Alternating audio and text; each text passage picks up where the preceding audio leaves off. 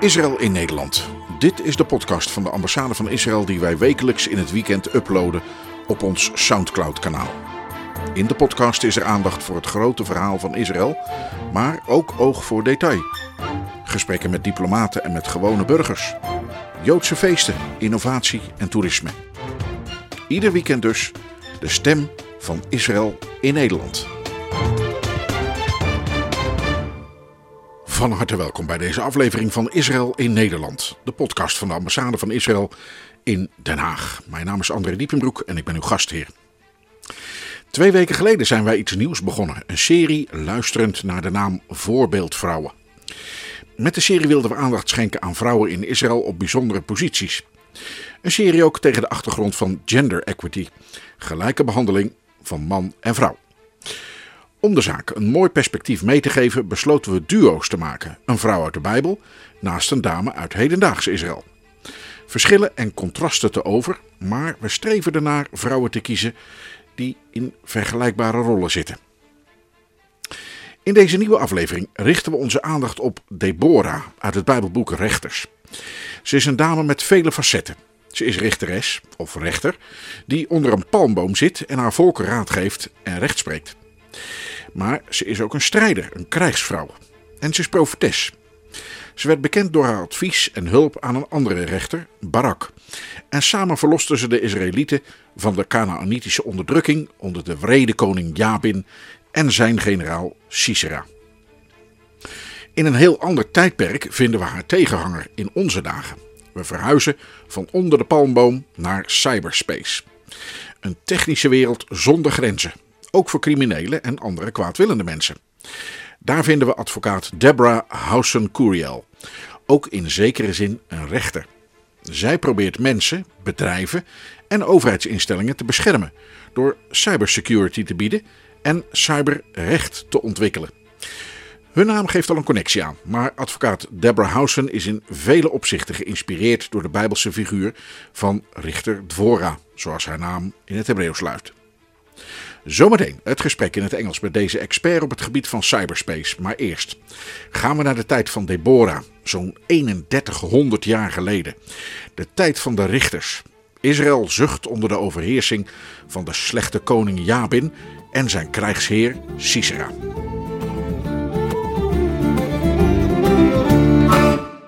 Hoe breng je een historische figuur als Deborah uit het boek Richteren tot leven? Dan moet je een goed verteller hebben. En zo iemand hebben we gevonden in Rabijn Marianne van Praag van de Liberaal-Joodse gemeente in Den Haag. Ik vroeg haar wie Deborah precies was. Deborah was een uh, hele bijzondere vrouw. En helemaal in de tijd dat de mannen natuurlijk het helemaal voor het zeggen hadden, was er deze hele bijzondere vrouw.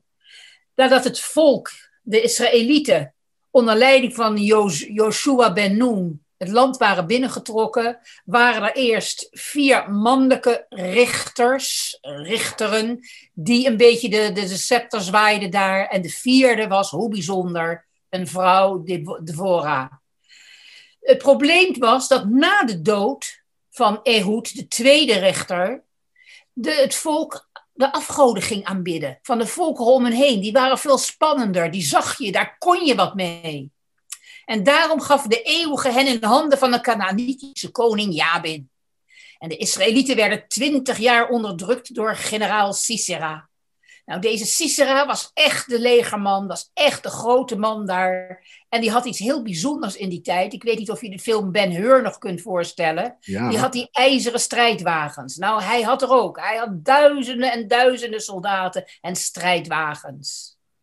En de Israëlieten leden enorm onder de vredeheersers. En in hun wanhoop, ja, hoe wanhopig moet je zijn, keerden zij zich tot de eeuwige. En toen zond de eeuwige de profetesse Devorah. En zij was een van de zeven profetessen die genoemd worden in Tenach.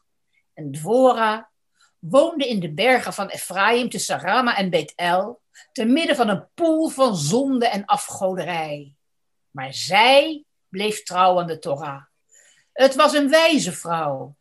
en men ging naar haar voor advies en hulp. En Dvora ontving de mensen onder een palmboom, waar iedereen haar kon horen. En ze drong er bij de mensen op aan om hun gedrag te veranderen en terug te keren naar de eeuwige. Dvora was de vrouw van een man die Lapidot heette, wat fakkels betekent. De wijzen zeggen dat het door het advies van zijn vrouw deze Lapidot grote lonten maakte voor de olie, voor de menorah in het heiligdom van Silo. Dat licht wat daar altijd brandde. En dus, zeggen de wijzen, was het effect van deze heilige vrouw op een ieder in haar omgeving het licht van de Torah. En de wijzen zeggen ook dat het volk weer samenkwam en verenigd werd. En hun ogen weer tot de eeuwige richten, zoals de bladen van de palmboom gezamenlijk naar de hemel wijzen. En onder die palmboom zat zij altijd te oreren. Prachtig. Toen Vora dacht dat ze het volk voldoende tot één keer had laten komen, riep ze Barak bij zich. Barak, sommigen zeggen dat hij haar man was, want dat betekent bliksem of lichtflits. Een andere naam voor lapidot, voor fakkel. En Barak was de meest invloedrijke man in Israël in die dagen. En Dvora droeg hem op om een leger te vormen van 10.000 man en hen te verzamelen aan de voet van de berg Tabor. En met dit leger moest hij ten strijde trekken tegen Sisera en de Canaanitische overheersers.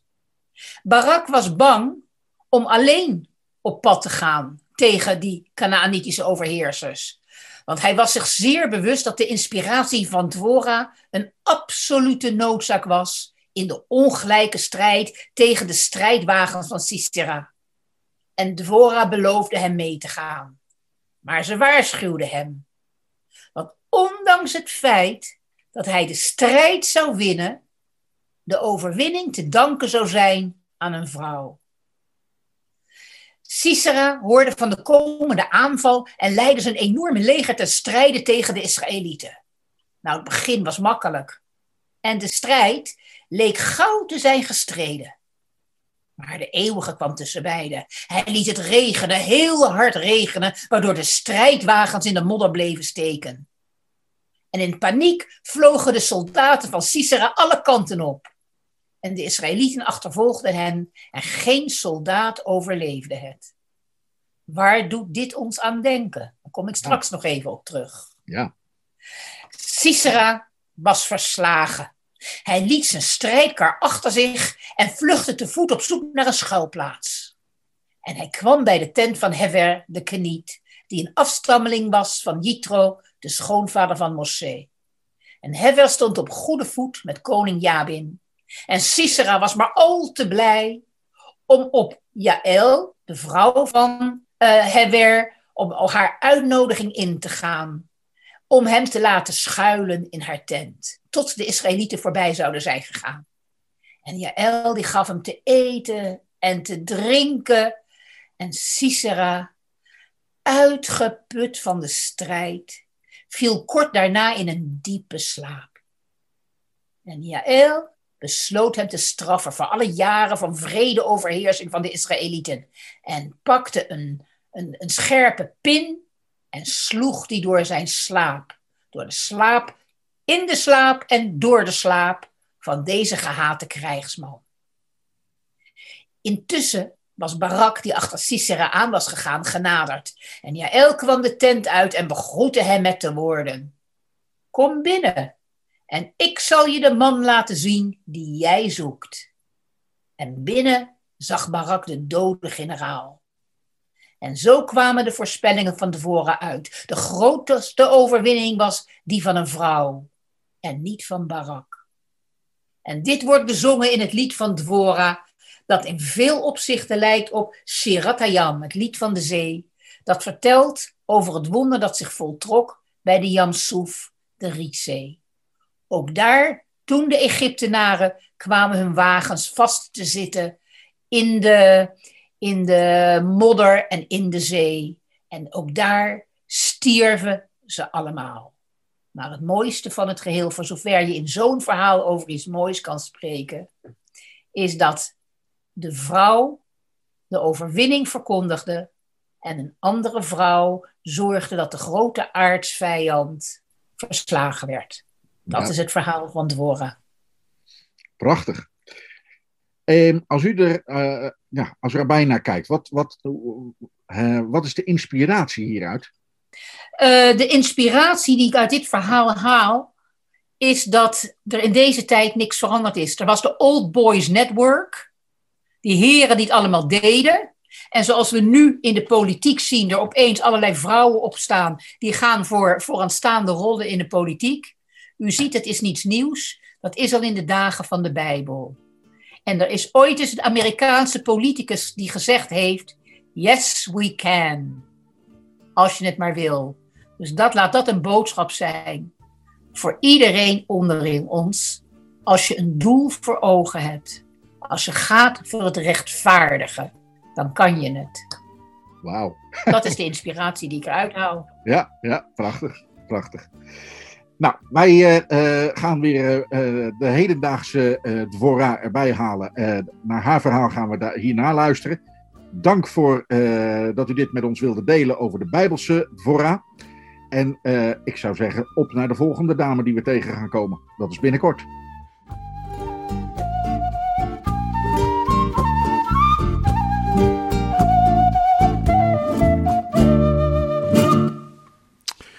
Deborah, de profetes uit het boek Richters. Van de oudheid, de tijd van de rechters van na Jozua bin Nun, zo'n 1107 jaar voor het begin van de gangbare jaartelling, maken wij een enorme stap in de tijd naar de Joodse staat anno 2021. Daar woont advocaat Deborah Housen Curiel, heeft ze haar eigen juridische praktijk en is zij verbonden aan cyberbeveiligingsbedrijf Confidas. Zij specialiseert zich op het terrein van cybersecurity, privacy en space law. Nu kun je een gesprek hebben met iemand die ergens goed in thuis is, maar soms is het beter om iemands cv goed tot je door te laten dringen om te beseffen dat je te maken hebt met iemand die echt een expert is in het gebied waar hij of zij actief in is. Dat is ook zo met Deborah Housen Curiel en daarom neem ik even de tijd om haar goed aan u voor te stellen. Als gezegd richt Deborah Housens expertise zich op wereldwijde en Israëlische wet en regelgeving op het gebied van cyberbeveiliging. Haar advocatenpraktijk adviseert cliënten over strategieën op hoog niveau voor juridische planning en naleving van regelgeving op het gebied van corporate governance, alertheid, gegevensbescherming en opslag, internetfraude en cybercriminaliteit. Zakelijke klanten zijn onder meer bedrijven uit de bankaire, de fintech en de kapitaalmarktsector, maar ook in de maritieme en transportsectoren. Zij is lid van de Israëlische Vereniging van Advocaten met een praktijk in Tel Aviv. Ze werkt nauw samen als Chief Legal Officer met het toonaangevende Israëlische cyberbeveiligingsbedrijf Confidas Digital, dat een volledige dreigingsevaluatie en reactiestrategie biedt voor een breed scala aan klanten in Israël en in het buitenland. Ze was ook lid van de International Group of Experts die het Tallinn 2.0 handboek over overheidsactiviteiten in cyberspace uit 2017 opstelde. Verder is ze verbonden aan het Cybersecurity Research Center van de Hebreeuwse Universiteit, het Instituut voor Terrorismebestrijding van IDC Herzliya en het interdisciplinaire cyberonderzoekscentrum van de Universiteit van Tel Aviv. Toen ik aan haar vroeg om voor ons samen te vatten hoe zij haar beroep eigenlijk ziet, zei ze dat ze zichzelf ziet als een loodgieter die in een groot gebouw allerlei gaten, scheuren en breuken in het pijpwerk probeert te dichten. Gaten die spontaan ontstonden of daar bewust door mensen zijn aangebracht. Mevrouw Housen Curiel is met andere woorden iemand die ervoor zorgt dat uw bankpas niet wordt geskimd en als dat toch gebeurt, ervoor gezorgd heeft dat er wetgeving is om de daders te vervolgen. Zij zorgt ervoor dat uw DigiD werkt en dat u beschermd bent in het gebruik ervan als u uw belastingaangifte doet. En zij is een van de mensen die erop toezien dat uw medische gegevens in de databank van het ziekenhuis veilig staan opgeslagen en niet zomaar overal rondslingeren op internet. Gaat u zitten voor een gesprek met een Deborah, die in zekere zin ook een richter is, een strijder voor de goede zaak en iemand met visie op een gebied wat wij allemaal toch een beetje beschouwen als de online versie van het Wilde Westen. Uh, I agree that from the outside, cyberspace and cybersecurity and all those buzzwords that we, we hear so often uh, can be a, a little off putting. Yeah. Uh, but my my approach um, to cyberspace is, and uh, for, forgive me for going here, is is is that it's like uh, I, I have the approach of a plumber. Uh, Okay. why do I have the approach of a plumber? So my uh, first professional introduction to cyberspace, way back before it was called cyberspace, was um, during my 13 years at Israel's Ministry of Communications. And in those years, which uh, in our earlier conversation you had referred to, the early 90s, they were really the years where all of the telecommunications uh, infrastructures uh, began to be put down for internet, for mobile telephony, for satellite communications, for undersea cables.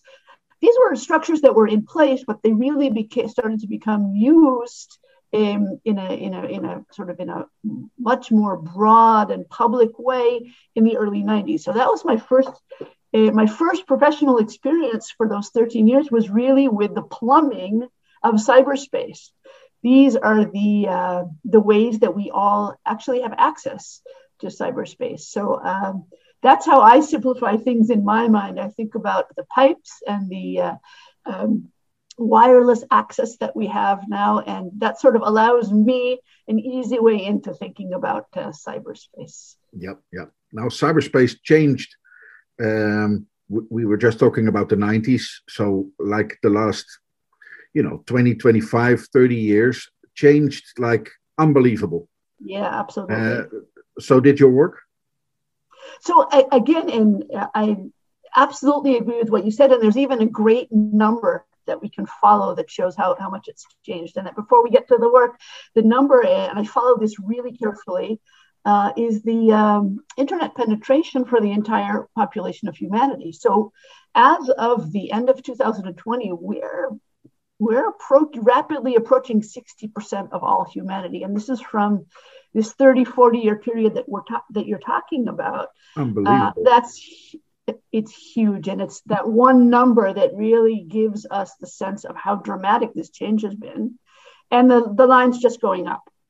So uh, uh, I know also in Israel we have a very strange situation. Uh, there's a difference between internet and mobile telephones, for example. But I think in Israel we're at 120% penetration of mobile telephones, which is very crazy. it means that people have even like two identities right. over there. right, but that's the direction anyway. Uh, so that's in terms of the number. And then uh, to your question of what has changed. Um, just to follow along with the numbers, it's uh, really from a ter- from from a, a, field that wasn't even called cyber uh, cyber or cybersecurity. If you remember in the beginning, and perhaps in Dutch it's the same, uh, the word cyber comes from the classical Greek kybernet, which is a ship captain. Oh. Um, and I may be mispronouncing my classical Greek, so I'll get a, a rap on my knuckles from my classical Greek teacher from university. Uh, but uh, that was the first term that we used. And that whole concept of how the terms change from telecommunications to uh, uh, cybernetics to cyber, which we use today, as I think also really representative of how things change. So just that it's become so ubiquitous and so um, uh, so in, integrated into our, all of our lives. It's everywhere we turn. Yep. Yeah, true. Now, um, you compared cyberspace in the beginning to something, uh, you know, that is like a, is a building that has uh, pipes and uh, and cables and needs pl- uh, needs a good plumber to, um, you know, to maintain uh, to do the maintenance work. You see yourself in a way as a person doing that, but then in in cyber technology and and and the sphere of law. Um, are there many to go on with this, uh, you know, the, uh, um, look upon things, do are there many breaches going on and things that need to be fixed? That's a great question. Um, the answer is, of course, yes. Uh, but to take to, to really uh, go for the zoom out, I try to always approach um, that question, uh, which is which is a really important one. Um, yeah, I try to uh, approach it from a, the positive point of view because obviously uh, the headlines that we see and the uh, um, what, what gets into the news is uh, are the breaches that you've referred to, um, and there's there's a lot to talk about in terms of the legality of uh, what those breaches uh, uh, or the legal context of those breaches, but there's so much more positive in development in terms of cyberspace and its use that I, I, just don't want don't want us to forget that before we get to the breaches, we have to. Uh, I always try to remember um, telemedicine and uh, the benefits of education. This very conversation that we can have, uh, yep.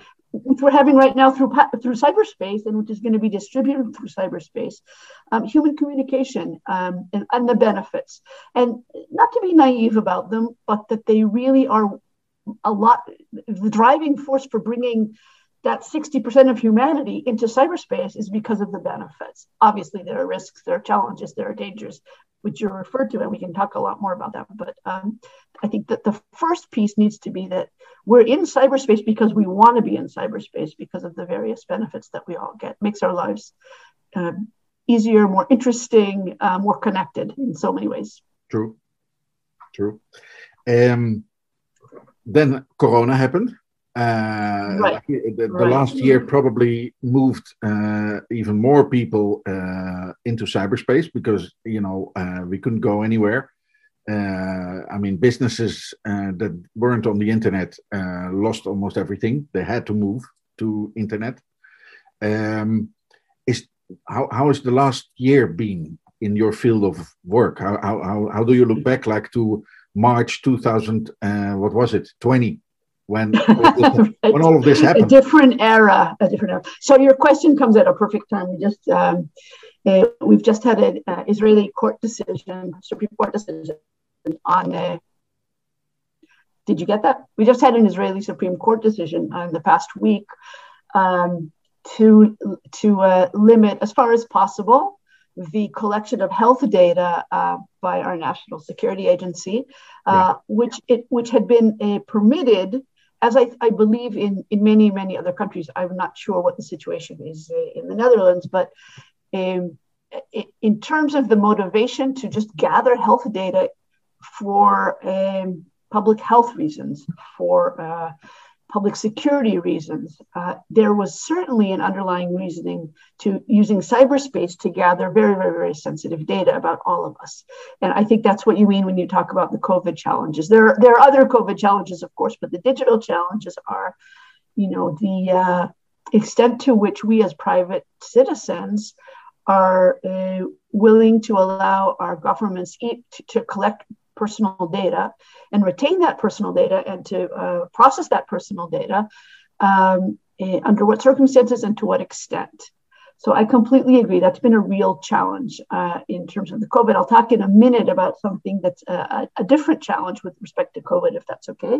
Yeah. Uh, but the, the legality of that uh, kind of collection of personal data is, is really tough. So the recent uh, Israeli court decision came out and said, um, we understand there's a need the need to collect this sort of data for public health reasons isn't isn't going away anytime soon, but it needs to be as restricted as possible and should only be done when absolutely necessary, which is, I think, the reasonable view.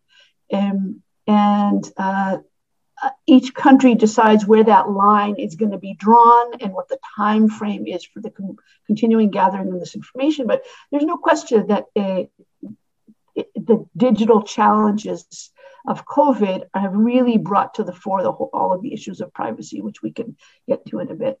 Yeah. Um, if I if I may go to a different sure. aspect of, of Corona, uh, that is, I think, a really uh, uh, we can really learn a lot of lessons from, and it's often overlooked.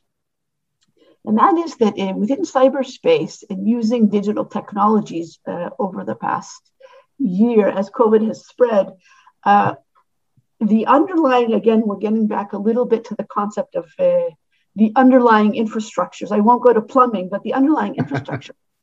think about, if we think about all of the, uh, the incredible amount of data being collected, not necessarily personal data or personalized data, but uh, health information that the uh, World Health Organization is collecting globally, that certain NGOs are collecting globally, uh, certain media outlets are collecting globally. Again, not personalized information, but data about the spread of COVID.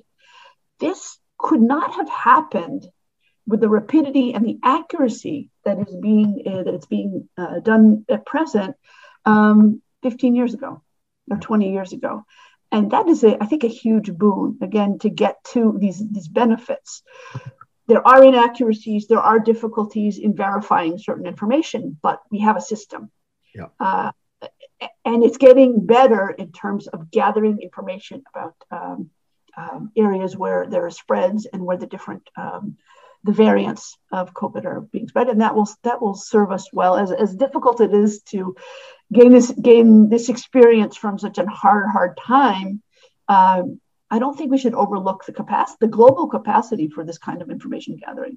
Yep, yep. Now, uh, your field of study, uh, uh I, I, reckon from your uh, CV, is cybersecurity, privacy, and space law. Now, uh, uh, part number two of, of your field of work is privacy.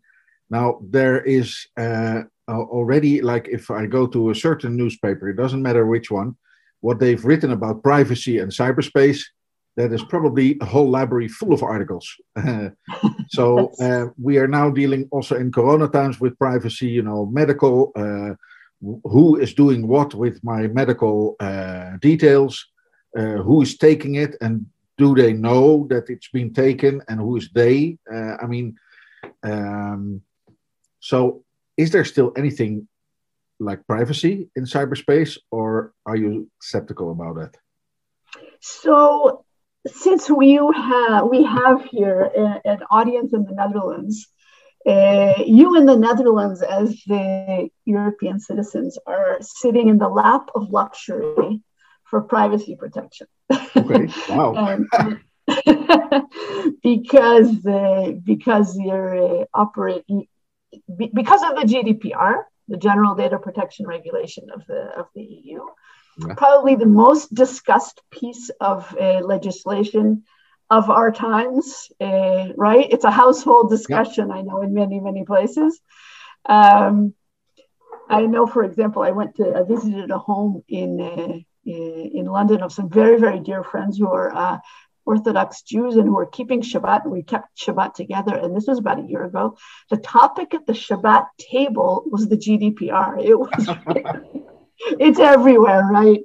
Um, so, um, and I, uh, so on the one hand, uh, you in the Netherlands and, and all your all of the European states who are GDPR uh, subject to the GDPR, uh, you're really uh, I think, among the most protected uh, legally of anyone uh, anyone on the globe. Uh, and you have really strict enforcement. Uh, I know it's very controversial. I know there are costs. It's certainly not a smooth road. Uh, but in terms of the legal rights of uh, Europeans, um, you're in very, very good shape. Certainly better shape than, than folks in the US. Um, this is not a topic that's going to go away and anytime soon. And I think I'll even take it further. I think that privacy, data privacy, uh, personal data privacy is probably uh, one of the main uh, legal and normative challenges of the next decade at least. And we don't have the answers yet. I think the GDPR and, and other legislations around the world uh, that are in the same direction uh, are a really important step. The enforcement is, of course, really, really uh, uh, a challenging task. Um, but to end with something a little bit concrete, I think we're in the right direction. And I think the concerns that have become much more public and much more covered by the media um, really make this a, a core issue, uh, certainly in democratic countries and in other countries where, um, where from that are sort of less conscious of rule of law, the issues are still there. So it's an ongoing issue. It's a critical issue. It's a core issue. We're making progress with with you know with small steps. And there's a lot, obviously, a lot more to say about this. Yeah, I'm yeah. staying in the realm of generalities, but uh, um, we should all be concerned with this. And uh, I think the GDPR, and I'm less familiar with the, the law of the Netherlands specifically, but it's certainly in the right direction. Good, good. I hope that I hope that's the beginning of an answer. Yeah, yeah, yeah. And uh, and it, it, uh, you know, I will drive home uh, smiling tonight because we we are really achieving something. Uh, as far as I uh, can learn from you now, uh, really achieving something which is actually good and important, which touches right. upon everybody's lives. really. Right, right, right. Now, we started this broadcast with a rabbi explaining us something about a lady from the Bible called Dvorah. Your name is Deborah, uh, and that's you know that's the uh, the English version of Dvorah also. And then you created something, or was one of the creators of a forum by the name of Forum Dvorah. Uh, that's a lot of. Uh, so you want to know everything about it, okay? It's a lot of Dvorah, and I was thinking when I was, uh, uh, you know, preparing this interview, I was like, why don't we know so much about Dvorah? I mean, we know that she appears in the in the in the biblical uh, uh, narrative of uh, Shoftim, uh, um, Oh, yeah. judges, uh, uh, in Dutch richters. But uh, yeah, um, but she did never be, made it to the headlines actually of uh, of ancient uh, Jewish or Israelite uh, history, which is maybe strange. I don't know. Uh, I, I, I, I, I must read her story again. I have to admit, but. Uh, uh, why did you choose her as uh, was it something personal because you know because of Right. her own name but i doubt that So I love talking about uh, Dvorah, the, the judge, the prophet, and the warrior. Yep. Um, I'll get to her in a minute, but I'd love to explain what uh, what the Forum Dvorah is, uh, who we are, and what we do, and Yeah. and then why wh- why are we name. called the why are we called the Forum Dvorah? It's not not after me.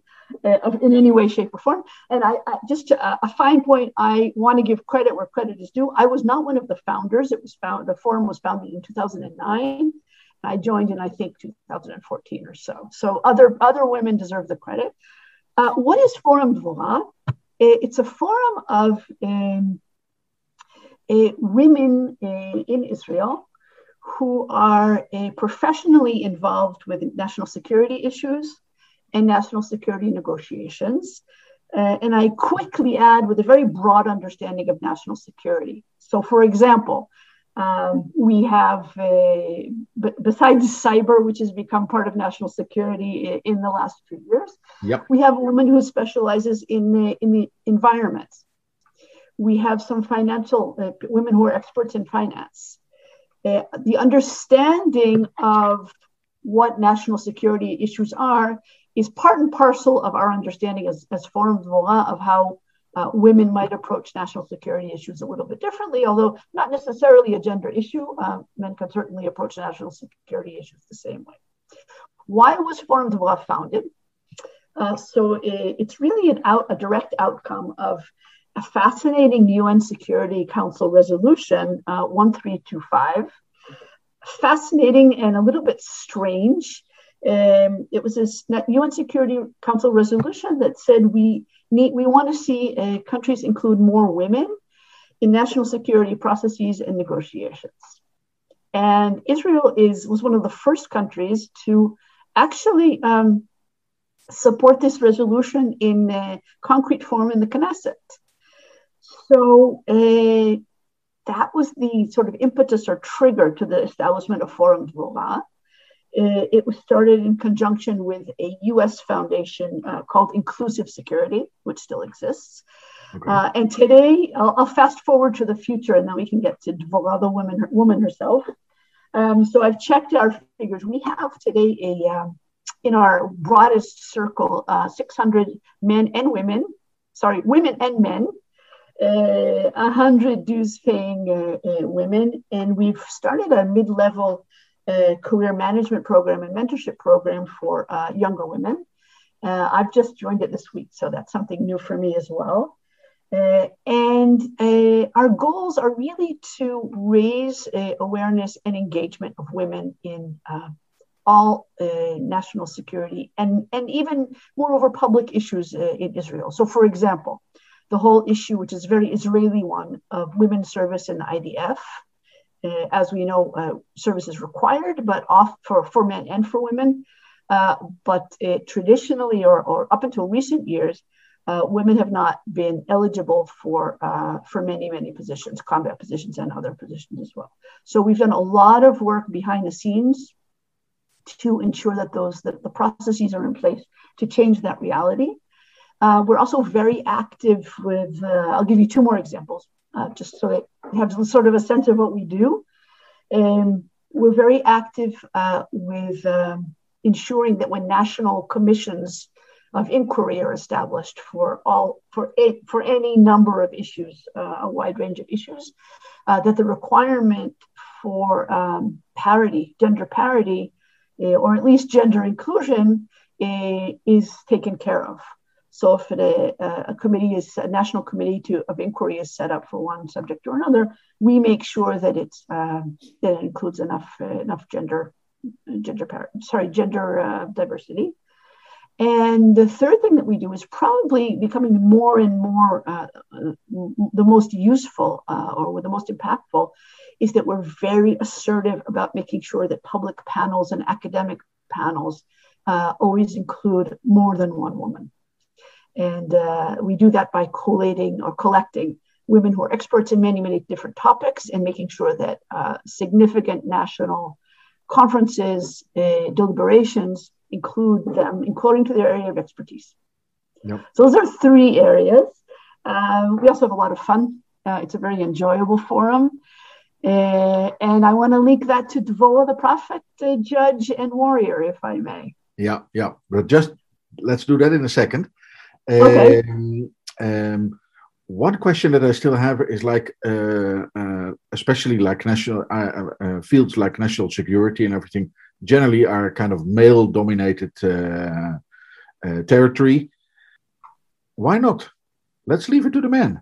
What? What? Is, why is it interesting? I mean, it's, it's, That's a great. It's actually boring, you know, all those generals. No. It's a great question.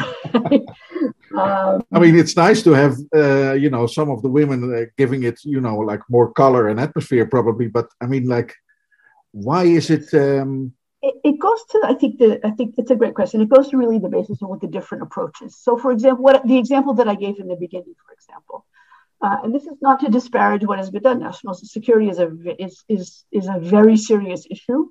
Yep. Um, the uh, widening of horizons to include in the concept of what national security is, I think most people would agree in our time that um, the impact that the military has on in every country on various areas means that uh, eyes need to be opened and uh, we fully expect that men would will do the same. Um, but the, the, the approach of Forum Dvorah is to simply widen the lens uh, to be more inclusive of perspectives and viewpoints and priorities.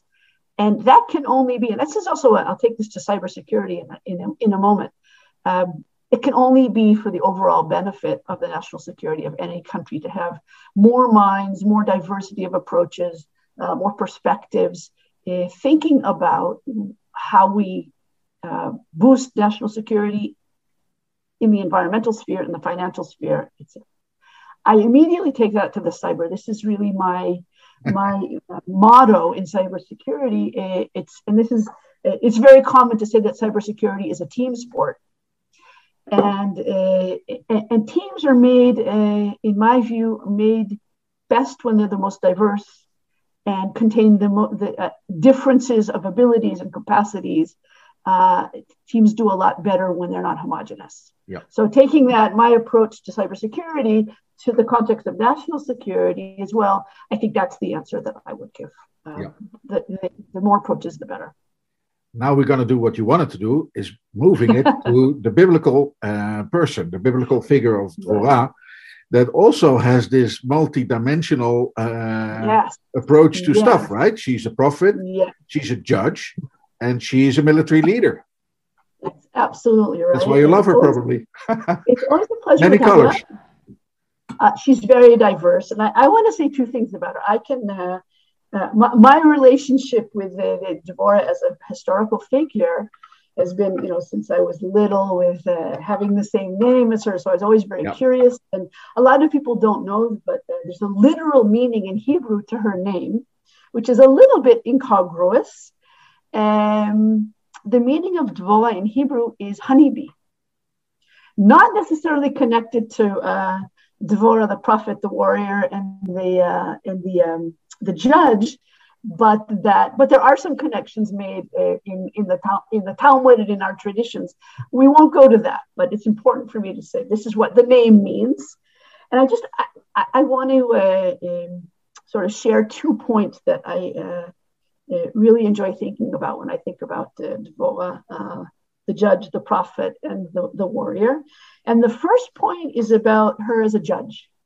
So, um, as you've said, Andre, she's uh, the book of she's included. Uh, her, her story is included in chapter five of the book of Judges, and she's introduced in a number of ways. Um, she has a husband. We don't know about children, but she's introduced as a judge who sits and judges the people outside under a palm tree uh, or date tree, different translations. So, and it's between two cities. So she's sort of on a mountain or on a hill under a tree and the multitudes come come up and, uh, and bring their cases to her, and she judges. Now, why do I love this image? Um, she's not a typical judge. She's not in a courtroom behind locked doors. She's not uh, dressed in, in judicial robes that uh, give her a certain status.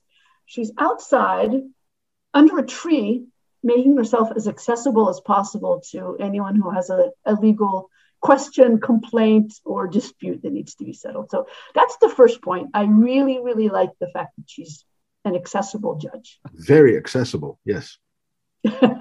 Yep. So she's outside. Uh, and I don't know of the descriptions of any of the other judges of Israel. Maybe I'm wrong, and I'm happy to learn about them, but that, that they're so accessible and so outside. So that's point Well, Shim, Shimshon wasn't very accessible, that's for sure. Right. right. And he had a, he had a bad end, an unpleasant end. Um, the other point that I wanted to share is a little bit more complex. So bear with me. Not complex, but a little more uh, of a story. So bear with me for a moment. So reminding us that um, um, Dvorah uh, went out a, as a co-general in the war against uh, the enemy Sisera. She went out with Barak yep. uh, who was a, a, male general who said, "We remember, I'm only going to war if you come with me." So she said, "Okay, I'll come." And uh, she said um, she and she and Barak went out. They had they they confronted Sisera in the plains of the north of Israel, and they won the battle.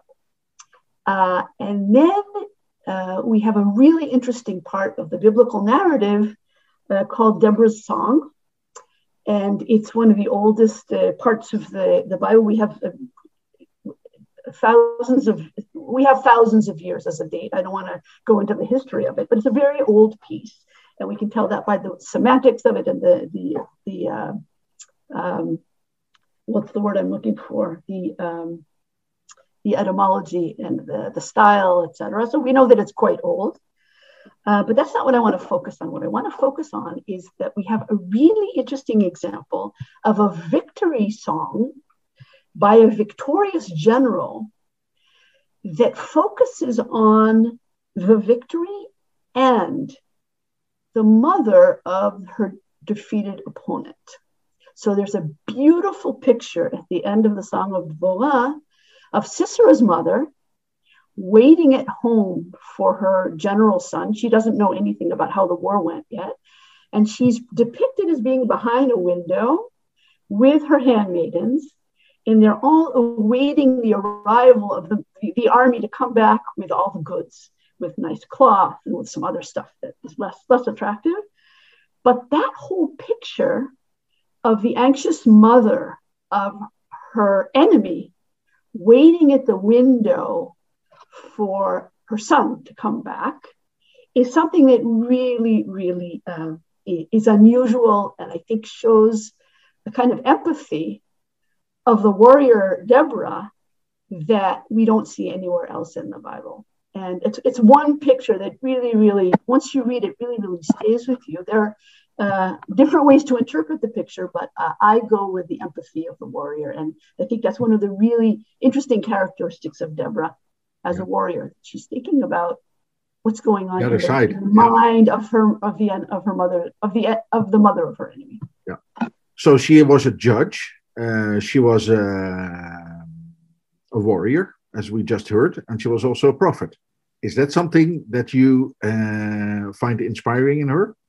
I think the combination. Being really- like uh, being like active in a in a field of um, like technology, cyberspace, and everything that is so you know like novel and and um, uncharted and everything.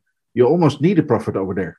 So Andrew, I'm gonna I'm gonna go with the prophecy, and you're allowing me to go back to what I wanted to say about cybersecurity. So if Deborah the prophet were with us, or as the prophecy of where we're going with the with the whole um, with the challenges of cyberspace today, if if you'll allow me, Yep. is that okay? Yeah, sure. Great.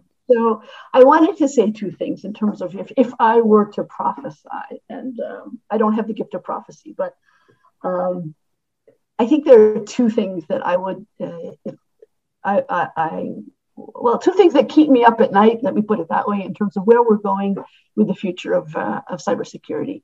Uh, and the first one has three parts. It's data, data, and data.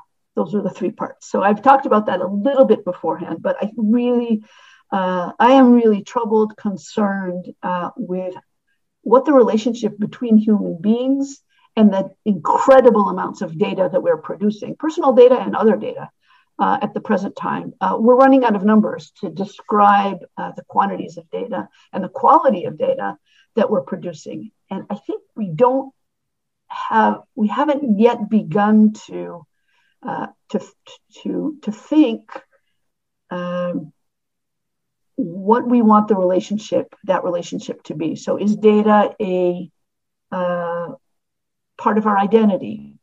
Is data a relationship with a machine? Is data a weapon? Is data a vulnerability? Is data something we own? Is data something that others own about that, that has to do with us? We just don't know yet. We haven't really engaged with those questions.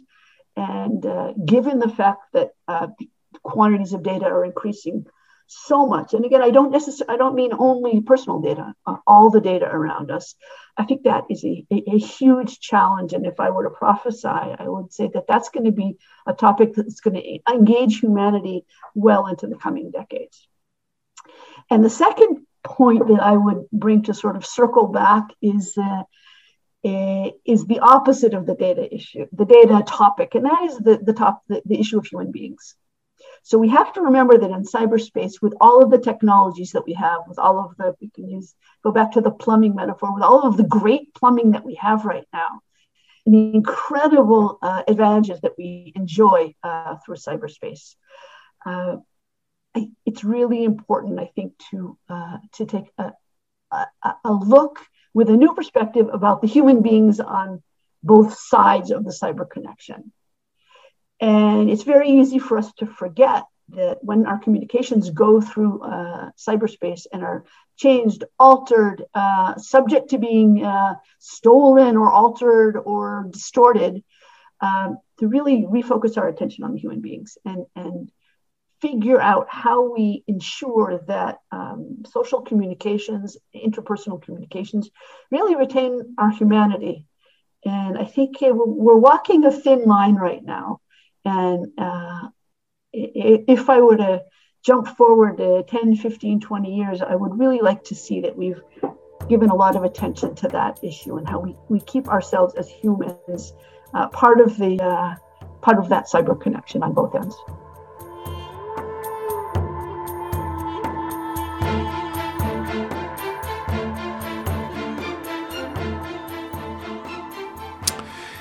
Ja, dat zei advocaat en cybersecurity expert Deborah Housen-Curiel uit Israël. Meer informatie over deze eigentijdse versie van de Deborah uit het boek Richteren treft u op onze Soundcloud pagina aan. Kijkt u op soundcloud.com slash Israël in Nederland. Wij zijn hiermee gekomen aan het einde van deze podcastaflevering van Israël in Nederland. Vergeet u niet volger te worden of anderen aan te raden zich te abonneren. Zo blijven u en uw kennissen steeds op de hoogte van wat we doen. Dat kan via Spotify, Apple Podcast, Stitcher of gewoon via ons Soundcloud-account. Voor wat ons betreft, dank voor het luisteren. Graag tot over een week.